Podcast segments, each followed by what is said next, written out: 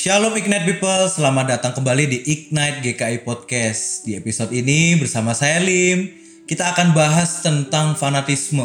Tapi tentu saya nggak sendiri, saya ada bersama dengan beberapa teman. Mungkin boleh dikenalin dong teman-teman. Halo, aku Irene Yunike dari GKI Cimahi. Halo, nama aku Febe, aku dari GKI Kota Wisata. Halo, aku Surya dari Gereja Kristus Ketapang. Dan aku Tabita dari GKI Jaya Solo. Oke, nah seperti tadi kita akan bahas soal fanatisme. Tentunya ini menjadi tema letter kita juga di website ignitegki.com. Nah, isu tentang fanatisme ini menjadi isu yang menarik nih karena beberapa waktu lalu kita juga sempat melihat betapa viralnya peperangan di media sosial tentang beberapa fans-fans dari ya kita bisa sebut sebagai fans K-popers dan juga ternyata fenomena ini juga ada di fans-fans lain nih. Nah ini kalau menurut teman-teman sendiri gimana sih? Apakah mungkin teman-teman ini juga ngefans sama suatu idola misal? Boleh sharing juga dong teman-teman? Coba mulai dari aku dulu aja kali ya. um, soal fandom, aku sendiri kan uh, gimana sebutannya ikut uh, salah satu dari K-popers yang baru sih sebenarnya, tapi kayak tiba-tiba sudah masuk melihat peperangan itu gitu. Jadi kayak aku nggak sebut merek aku ikutin grup apa tapi grup ini kemarin uh, mengikuti kayak sebuah survival show di mana mereka harus uh, bertanding dengan grup-grup yang lain untuk ya kayak memenangkan sebuah title title raja lah gitu. Kayak yang K-popers tahu lah ini siapa maksudnya. Uh, itu kayak di antaranya itu fans-fans itu banyak yang kayak ah grup ini gak bagus apa uh, eh, gak bagus ah penampilannya gitu terus kayak ditimpalin lagi sama fandom lain ya itu kalau di K-pop mungkin kita banyak yang dengar soal namanya fan war gitu itu salah satu fenomena yang bisa dibilang aku ikut uh, melihat secara langsung lah gitu. I see, I see. Ternyata kita punya teman yang terlibat langsung, Wah, terlibat langsung. Itu tadi kita lihat dari segi K-pop. Mungkin ada teman-teman yang punya idola lain selain K-pop. Mungkin boleh share juga. Boleh, boleh Iren? Aku ngefans bukan sama K-pop, tapi bisa dibilang cukup fanatik sama uh, asalnya dari Indonesia. Kemarin sempat ngisi di GKI Youth Summit. Ah, siapa yang ngefans juga angkat tangan nggak nggak usah sebut namanya ya kalian udah pada tahu ya pasti. Ini cukup fanatik karena sebenarnya uh, keren sih. Apa maksudnya impact yang dimunculin dari si uh, bisa kita bilang idol lah ya.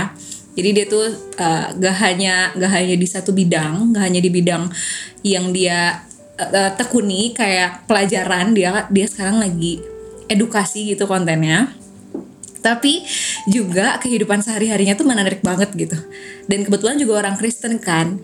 Dan impact yang dia munculin tuh bukan kayak war gitu yang diceritain sama kafe sebelumnya. Tapi kayak ayo kita buktiin kalau orang Indonesia ini uh, positif orang Indonesia ini ramah kayak gitu-gitu. Itu sih sebenarnya impact yang paling berasa buat orang yang uh, ngikutin dia terus. Kalau aku itu kak. Hmm I see I see I see I see ini, kayaknya asik juga tadi kita udah denger dari kan tadi bobok seni gitu ya. Kalau Kak Surya nih kayaknya juga terlibat dalam fans bola ataukah ada fans lain juga Kak? Uh, aku sih emang suka sama salah satu klub gitu. Cuman kalau ngomongin itu sebenarnya lebih kalau kita ngomong lebih luas, aku agak suka bola gitu. Jadi kayak berita bola, terus bolanya sendiri pun suka karena dalam artian uh, dalam sepak bola itu ngelihatnya bukan cuma 22 orang rebutan bola tapi kayak sportivitas, ada nilai-nilai di situ, ada value di situ. Walaupun kalau kita ngomong soal fanatik ya kadang jatuhnya ada jeleknya kayak rasisme itu kan sebenarnya fanatik ya. Jadi kayak gimana uh, supporter lawan tuh ngejatuhin mental orang ya mainnya rasis. Kayak gitu sih kalau dalam dari sepak bola menurut aku. I see, I see, I see, I see. Kalau Tabita ini, Tabita pernah ngefans dengan sesuatu atau seseorang atau apalah? Kalau ngefans pas zaman kecil ada sih ya. Maksudnya ngefans sama dua penyanyi kakak beradik gitu. Dan aku lihatnya tuh kayak wow keren banget gitu kan. Tapi emang nggak ada yang kayak yang fanboy fanboy gitu ya zaman dulu mana ada sih gitu kan apalagi penyanyi rohani siapa gitu ya yang mau ngebanding bandingin gitu kan.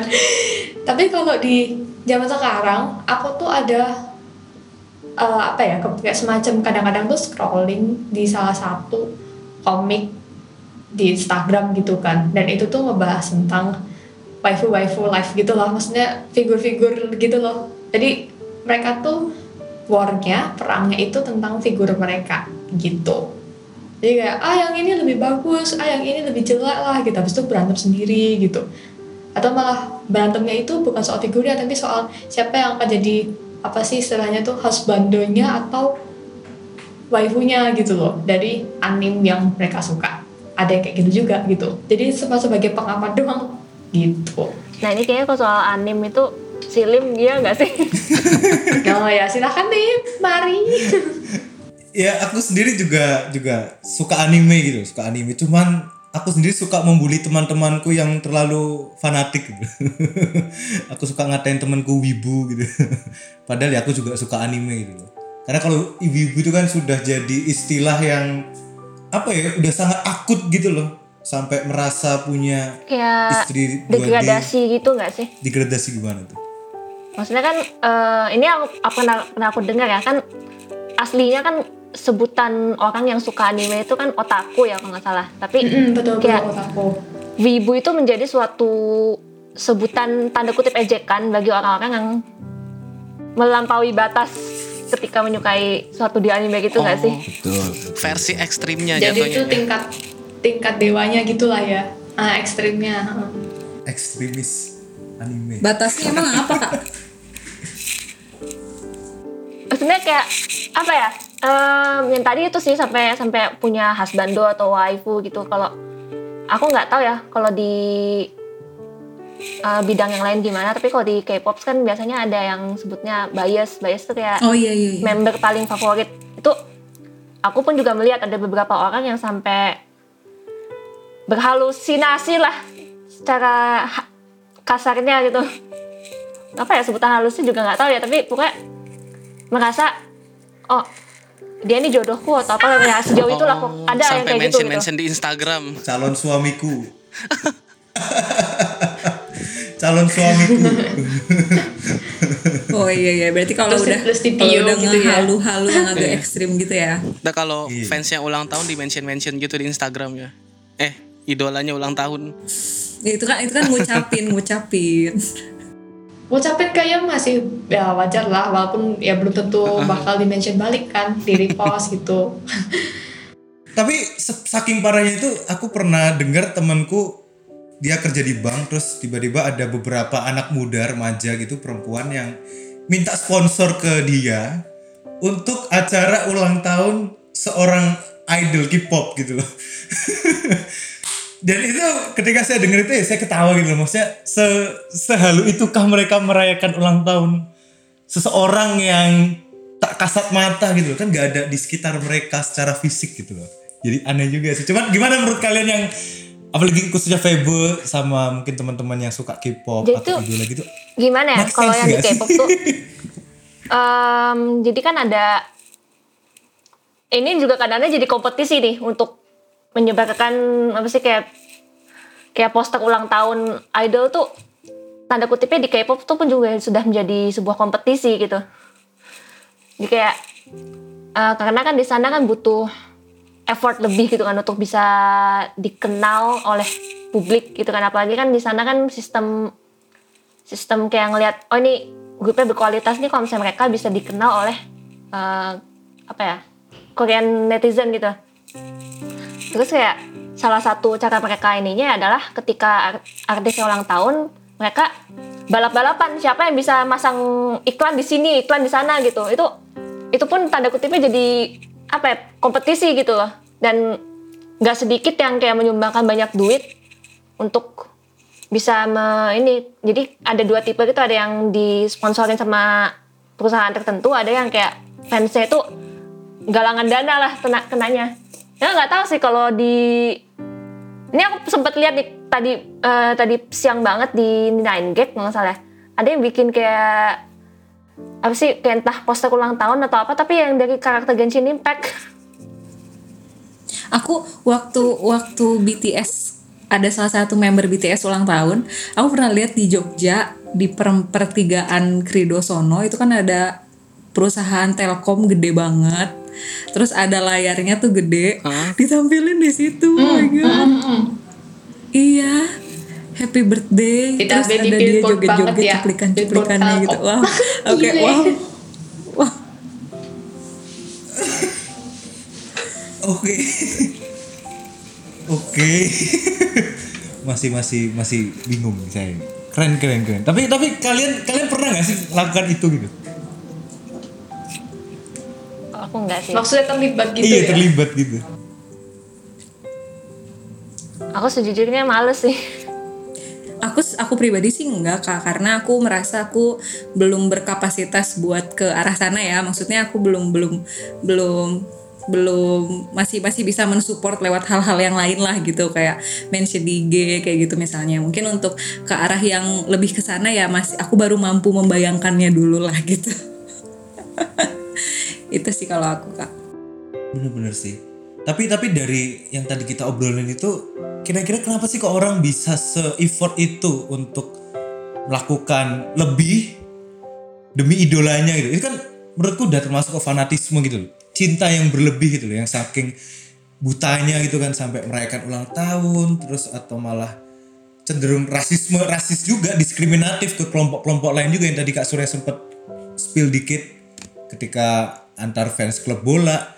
Bahkan di kalangan K-pop pun juga gitu kan. Antar fandom berantem tadi Febe cerita terus antar anime itu juga berantem antara waifu siapa yang paling cantik. Maksudku kayak itu sesuatu yang sudah tidak make sense.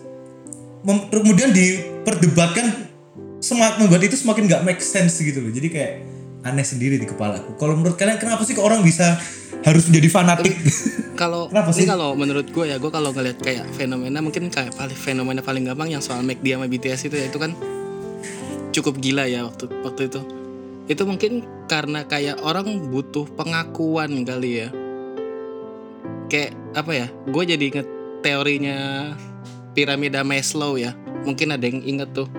Kan bu- manusia tuh punya need kan. Nah, dia dia ngegambarin beberapa need. Nah, yang nomor nomor dua itu kalau nggak salah penghargaan. Penghargaan itu ada ada di situ pengakuan. Jadi kayak kalau apa ya kalau yang BTS kemarin itu kan jadi kalau yang beli itu langsung diposting di Instagramnya. Kayak oh diakui. Kayak gitu kalau menurut gue sih. Butuh pengakuan jadinya. Jadi dia melakukan yang hal yang agak di luar batas.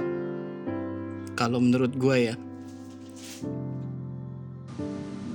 Oh, kalau anu maksudnya kasusnya tuh nomor dua dari atas kan kak piramidanya si Abraham Maslow itu. Oh Iya. iya oke oke. Aku kebayang Iya. tuh nomor dua dari Nomor dua bawah. dari Kalau nomor dua dari bawah tuh safety Enggak, enggak. needs soalnya. Kalau needs, ya, menurutku selain tadi ya Kak Surya bilang tentang butuh pengakuan dari orang lain, mungkin juga karena teman-temannya sih ya lingkungannya tuh loh circle-nya kan ada yang mereka circle-nya ya udah biasa aja mereka nggak fans tapi ya nggak yang sampai sefanatik itu. Paling kayak ngepost aja di story Instagram atau WhatsApp mereka kayak oh ini loh ada album baru atau ada lagu baru gitu. Ya udah ada yang cuma cukup di situ tapi ada juga yang udah mulai kayak sampai update banget dengan urusan mereka konser di mana tanggal berapa kayak gitu tuh mereka jabanin mereka datengin. Ta- tapi ada juga yang kayak sampai itu tadi yang udah kebayang-bayang kayak aku wifi-nya ini misalnya atau kayak yang soal anim ya. Aku wifi-nya ini. Terus teman-temannya yang lain ternyata juga pada punya waifu masing-masing atau husband masing-masing. Jadi ya tergantung circle-nya juga sih gitu. Ya, kalau soal circle sih aku juga setuju sih kayak lingkaran mana yang kamu ikutin itu akan mempengaruhi ya kayak tadi kata Tabita sih. Kayak karena bahkan eh, ini gak cuma di K-pop ya aku yakin di fans bola mau di penyita anime pun juga ya kayak kamu masuk lingkaran yang salah kamu akan eh, bertindak sesuai dengan apa yang mereka lakukan gitu. Misalnya kayak kamu masuk ke lingkaran orang-orang yang memang ngebiasnya atau nge waifu atau husbandonya tuh udah udah tingkat akut gitu ya. Kamu secara nggak langsung akan menjadi bagian dari mereka gitu loh makanya aku sendiri pun juga mencari komunitas juga hati-hati sih untuk untuk komunitas kayak fandom atau mencari orang-orang mau ngobrol bareng tuh ya jangan terlalu inilah kalau menurut aku ya. Sama satu lagi mungkin ada yang kayak ini ya, termasuk selain karena circle dan Maslow tadi yang aku alamin sendiri, mungkin karena si idol ini secara nggak langsung berdampak gede banget nih buat aku. Kayak misalnya eh, hari-hariku ini berat banget. Terus di sela-sela waktu aku coba lihat buat liatin dia, stalk dia dan somehow itu bikin aku happy kayak gitu dan belum lagi ke arah yang lebih berat kayak misalnya aku nih lagi susah banget mau move on misalnya kayak gitu terus dengan ngelihat salah satu role model ini yang kehidupannya juga nggak gampang kayak aku juga jadi sadar kalau oh bukan cuma aku yang susah dan somehow itu bikin aku gampang move on. Itu kan itu berimpactnya gede banget buatku. Jadi itu mungkin yang mendorong orang-orang untuk bisa juga melakukan hal yang besar buat dia. Kayak oh dia kan udah ngelakuin hal yang be- besar secara nggak langsung buat aku. Nah aku nih mau mengucapkan terima kasih nih ke dia kayak gitu. Gitu juga bisa kali ya. Ini contoh fans yang positif ini sepertinya. tapi tapi apa mungkin ya yang dari Iren bilang tadi itu orang tuh akhirnya cari-cari pembenaran gitu ya dari idol itu. Kemudian akhirnya ya orang hanya ingin mendengarkan apa yang dia ingin dengar gitu loh. Jadi budak akan kehendak orang nggak mau mikir sendiri gitu kan. nggak tahu sih aku kejauhan mikirnya. Kenapa ya? Karena aku juga pernah mengalami juga fase-fase di mana ya akhirnya lebih baik ngikut omongan orang gitu loh. Apalagi idol gitu kan. Ya idol. Idol, idol. Ilat Jowo. Idol gitu loh. Misal kadang itu fanatisnya itu juga nggak nggak bisa kita berpikir jernih gitu loh kayak kalau idolnya salah ya kayak dibela mati-matian gitu loh kayak orang lagi bela Tuhannya gitu. padahal Tuhan pun juga nggak perlu dibela gitu Wes, susah ngobrol sama filsuf nih. Ketawa aja lah ya. gimana gimana menurut kalian maksudku apakah ada kecenderungan itu gitu loh orang kemudian mencari pembenaran-pembenaran atas dirinya yang mungkin sebenarnya itu keliru gitu loh ini banyak sih kasusnya kalau di K-pop ya. Karena eh, ini aku lihat dari yang aku sudah pernah dengar aja. ya. Aku nggak tahu ya sebelum-sebelumnya lagi gimana gitu. Kayak kan eh, adalah beberapa grup K-pop tuh yang istilah sekarang line up-nya tuh udah nggak lengkap seperti waktu debut gitu kan. Karena ada salah satu anggota yang keluar atau gimana.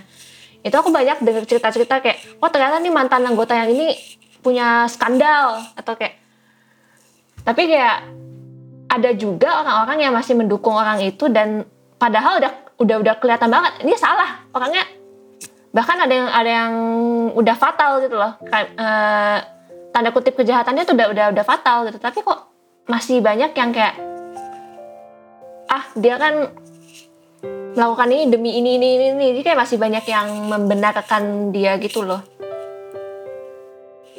Fanatisme sempit jatuhnya ya. Iya, kenanya yang penting idolku aman. Saya nggak tahu kalau misalnya di sepak bola gimana kak tuh? Kalau di bola mungkin lebih Kalau di bola mungkin lebih ke apa ya? Hmm, biasa itu fanatismenya lebih ke pemainnya. Jadi kalau pindah klub tuh langsung kayak dimusuhin gitu kan. Paling paling gampang tuh kalau kalau mau inget tuh insiden waktu dulu kan pemain Barca- Barcelona tuh ada namanya Luis Figo pindah ke Madrid. Nah akhirnya tahun keberapa dia main-main lagi kan eh dia main waktu itu lagi Madrid ketemu Barcelona dia dilemparin kepala babi waktu itu kepala babi itu ya kayak gitulah. Karena kan Madrid Barcelona itu kan memang rivalitasnya tinggi. Jadi ya kayak gitu lebih kepada pemainnya biasanya diserang. Terus kalau soal rasisme rasisme juga eh, pernah juga pemain Barcelona dilem eh, pemain Brazil itu dilemparin kulit pis dilemparin pisang. Karena kan hitam ya kayak monyet gitu kan jatuhnya.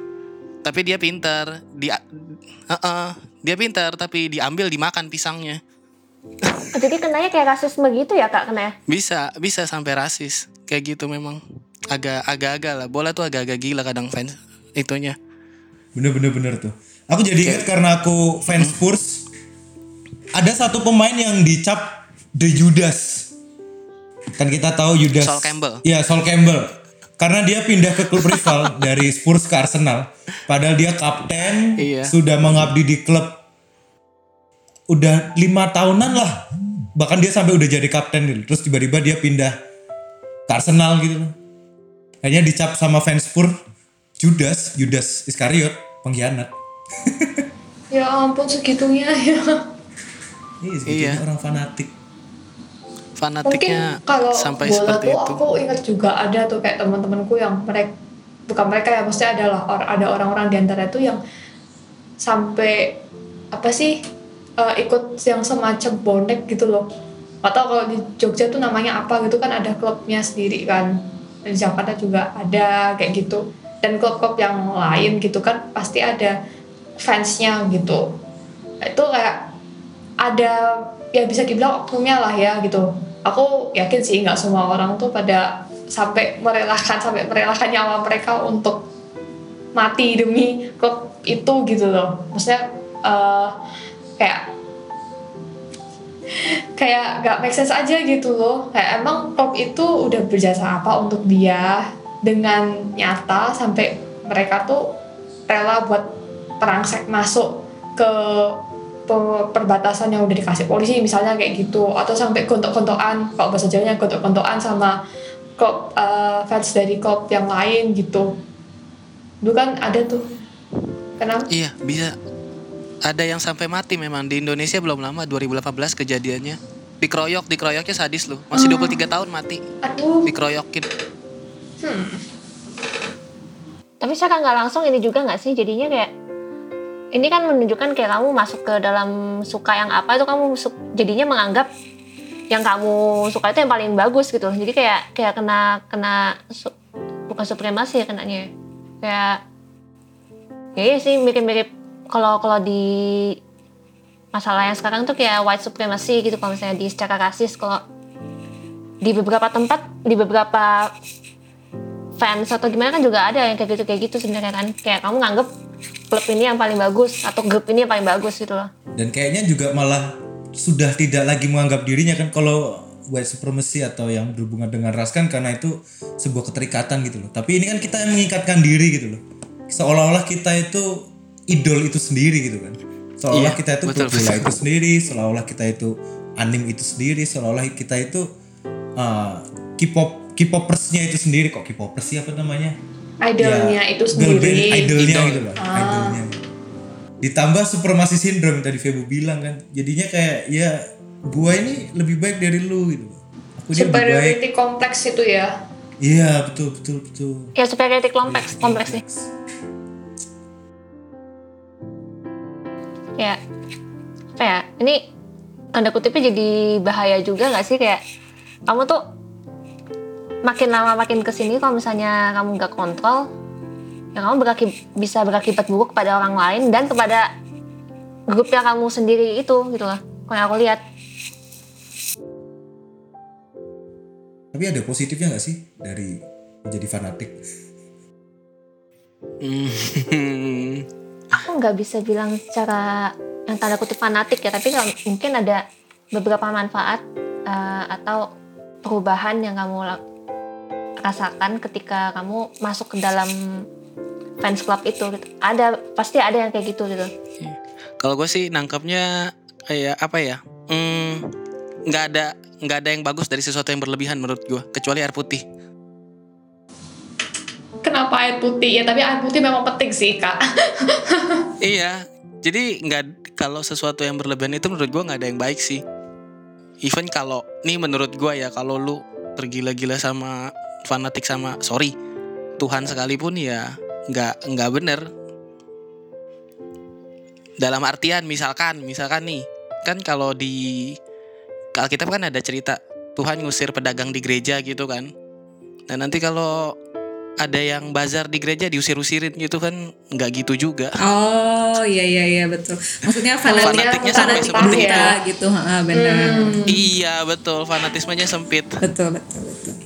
Tapi aku sempet eh, juga kayak ngefans sama salah satu ya bisa dibilang juga influencer ini yang lain dari yang tadi. Itu dia kontennya ya benar-benar ngisi konten yang kayak biasa dia ciri khasnya dia gitu. Tapi terus sempet aku iseng-iseng lihat sosmednya kayak gitu. Dan ternyata dia tuh salah satu orang yang sering uh, baca Alkitab gitu. Jadi kayak di sela-sela di sela-sela dia sebelum tidur aku baca Alkitab dulu kayak gitu. Itu somehow bikin aku kayak wah dia humble banget ya. Dia yang udah sekeren itu aja masih nyempetin baca Alkitab. Aku kok ngerasa sombong dengan nggak mau baca Alkitab kayak gitu siapa aku nah itu sih yang yang yang menurutku bisa dibilang fanatik tapi ke arah yang mm, bisa mengarahkan ke jalan yang tepat gitu Bener-bener. setuju setuju. Berarti tergantung idolnya siapa dong. Betul. Role modelnya siapa bener? Yang difanatikin itu siapa? Menarik tuh. Indian gimana kamu bisa mengambil hal yang positifnya sih? Ya, mungkin di fandom ini ada yang kamu suka karena oh lagu-lagunya atau uh, charity-nya inspiratif gitu. Tapi ada juga sisi lain dari fandom ini yang ketika kamu re- merelakan apa pun demi demi fan eh, demi apa yang kamu idolakan itu gitu. Jadi kayak menurut aku fandom jadi kayak dua sisi dari ini enggak sih? Koin. sisi magnet gitu Magnet, nggak sih? koin ya apa pun lah ya kayak ada sisi buruk dan ada sisi baiknya pasti ada kayak gitu loh Berarti ya balik lagi ke diri kita berarti kan kita mau idol nge-idol yang mana dan juga mesti clear juga kan. Maksudnya ya idol ini pun manusia biasa gitu loh. iya terus juga ini kan eh, kitanya juga harus tahu diri kita sendiri tuh kayak mana sih gitu soalnya kalau kita nggak benar-benar kenal sama diri sendiri tuh gampang banget buat lost literally lost ngikut aja sama apa yang diikutin orang lain gitu walaupun itu sebenarnya nggak benar gitu Tapi kalau ini iseng ya, kalau ngomongin dari sisi idolanya sendiri, gua dua hari lalu atau kemarin atau tadi gitu baca berita kan eh satu sisi itu yang diidolain sendiri sebenarnya punya beban mental. Kayak eh, yang lagi rame tuh petenis Jepang Naomi Osaka. Mereka kan sempat dia tuh Grand Slam kemarin sempat mundur kan karena dia bilang mental dia lagi nggak sehat, beban dia banyak ekspektasi orang ke dia tinggi. Nah belum lama tuh gue baca juga pebalet Amerika juga seperti itu. Dia mundur dari Olimpiade kalau nggak salah, entah mundur atau kalah gitu. Tapi dia bilang ekspektasi orang tuh terlalu tinggi sama dia, jadi dia punya beban beban berat sendiri sebenarnya sih. Kalau dari sisi yang diidolakan ya, Nah, aku mau tanya nih kakak-kakak, eh, kalau misalnya dia kan tadi dari tadi kita udah ngomongin tentang idol, fanatik gitu. Aku inget salah satu eh, ayat Alkitab tentang 10 perintah Allah yang bisa disimpulin kalau Allah adalah Allah yang pencemburu. Nah, itu gimana tuh kalau kita ke arah yang lebih ke sana gitu? Mungkin bisa ditulis ada ide-ide lain? Boleh tuh. Bisa sih. Kamu ah, aku juga lagi baca buku ya Kyle Alderman. Ah, judulnya tuh Gods at War. Ah, jadi kalau di apa namanya aku baru baca awal-awal ya tapi awal-awal pun juga udah ditulis bahwa dosa-dosa yang terjadi di dunia ini banyak yang berakar dari penyembahan berhala. Dan berhala-berhala di masa kini itu nggak cuma nggak cuma soal dewa-dewa gitu. Apa pun yang ada di sekitar kita itu bisa menjadi berhala. Dan itu kayaknya menurut aku bisa jadi ini sih bisa dibahas sih. Banget. Bisa dibahas lebih nanti lanjut. ditunggu review bukunya ya PB ah ditunggu aja kayak bakal ada podcast Oh, soal itu iya, tentang ini. Mantap Buat teman-teman kita tunggu review buku di podcast Ignite GKI atau podcastnya Febo terserah lah. Asik. Terus kalau ada Ignite People yang mau nulis gimana nih Kak tentang Allah adalah hal yang pencemburu? Nah justru itu nih kita mau ngajak teman-teman semua yang dengerin podcast hari ini itu buat kita sama-sama merenung gimana sih pandangan kalian tentang fanatisme dan kaitannya sebagai kita yang orang Kristen harus bersikap dalam ngefans ataupun punya idola gitu. Gimana menurut teman-teman yang lain? Kira-kira apa yang harus kita pancing buat teman-teman pendengar nih? kamu bisa ngambil dari apa pun yang gitu sih ya apa ya kamu bisa ngambil dari hal apa yang kamu lihat di sekitar kamu itu eh, bagaimana itu bisa mempengaruhi kamu atau spiritualitas kamu itu juga bisa dibahas menurut aku ya atau kalau hmm, ambil hikmahnya lah. Ambil hikmahnya. Bisa sih. Terus ini bisa nggak sih Lim kalau misalkan mau bahas nggak harus ngefans sama artis lah ya. Misalkan ngefans sama seseorang gitu ya yang di dekat kita aja gitu. Tapi kita bener-bener rela do anything for him or her gitu. Sampai udah lupa sama diri sendiri. Itu bisa nggak ya? Itu bisa juga itu kan berarti cinta buta kepada idola yang bisa dilihat gitu kan iya mungkin gebetan yang sudah lama kita cintai tapi tak kunjung mau Waduh. respon cinta kita itu aduh Buka sesi curhat tapi waktunya udah mau habis. Waduh, maaf banget. iya ya, makanya tulis aja bisa tulis Bisa Iya, ditulis iya. ini apakah itu termasuk berhala gitu ya kan? nah itu dia kan ini teman-teman uh, ignite people bisa kita sama-sama brainstorming gimana sih kita mesti menyikapi diri ketika kita ini ngefans sama orang lain entah itu idola entah itu orang yang ada di depan kita atau apa pun itu gimana kita bisa merefleksikan itu sebagai orang Kristen pengikut Kristus mungkin ada tambahan lagi dari teman-teman yang lain Bungkus karet dua. bungkus karet dua pedes dong berarti Pedes. Oke, kami tunggu tulisan-tulisan terbaik kalian di ignitegki.com. Ya, kalian tahulah caranya submit tulisan, gak usah dikasih tahu lagi. Nanti kalau kurang-kurang tahu, boleh tanya-tanya ke admin yang lain. Oke, mungkin sekian dari kita semua diskusi panjang lebar tentang fanatik-fanatik dari kami yang pernah terlibat di setiap kelompok-kelompok zolim itu. Wadah, kelompok zolim. Oke, kalau gitu terima kasih buat Ignite People, terima kasih sudah mendengarkan dan stay tune untuk di episode-episode berikutnya setiap hari Jumat. Shalom, Tuhan Yesus memberkati.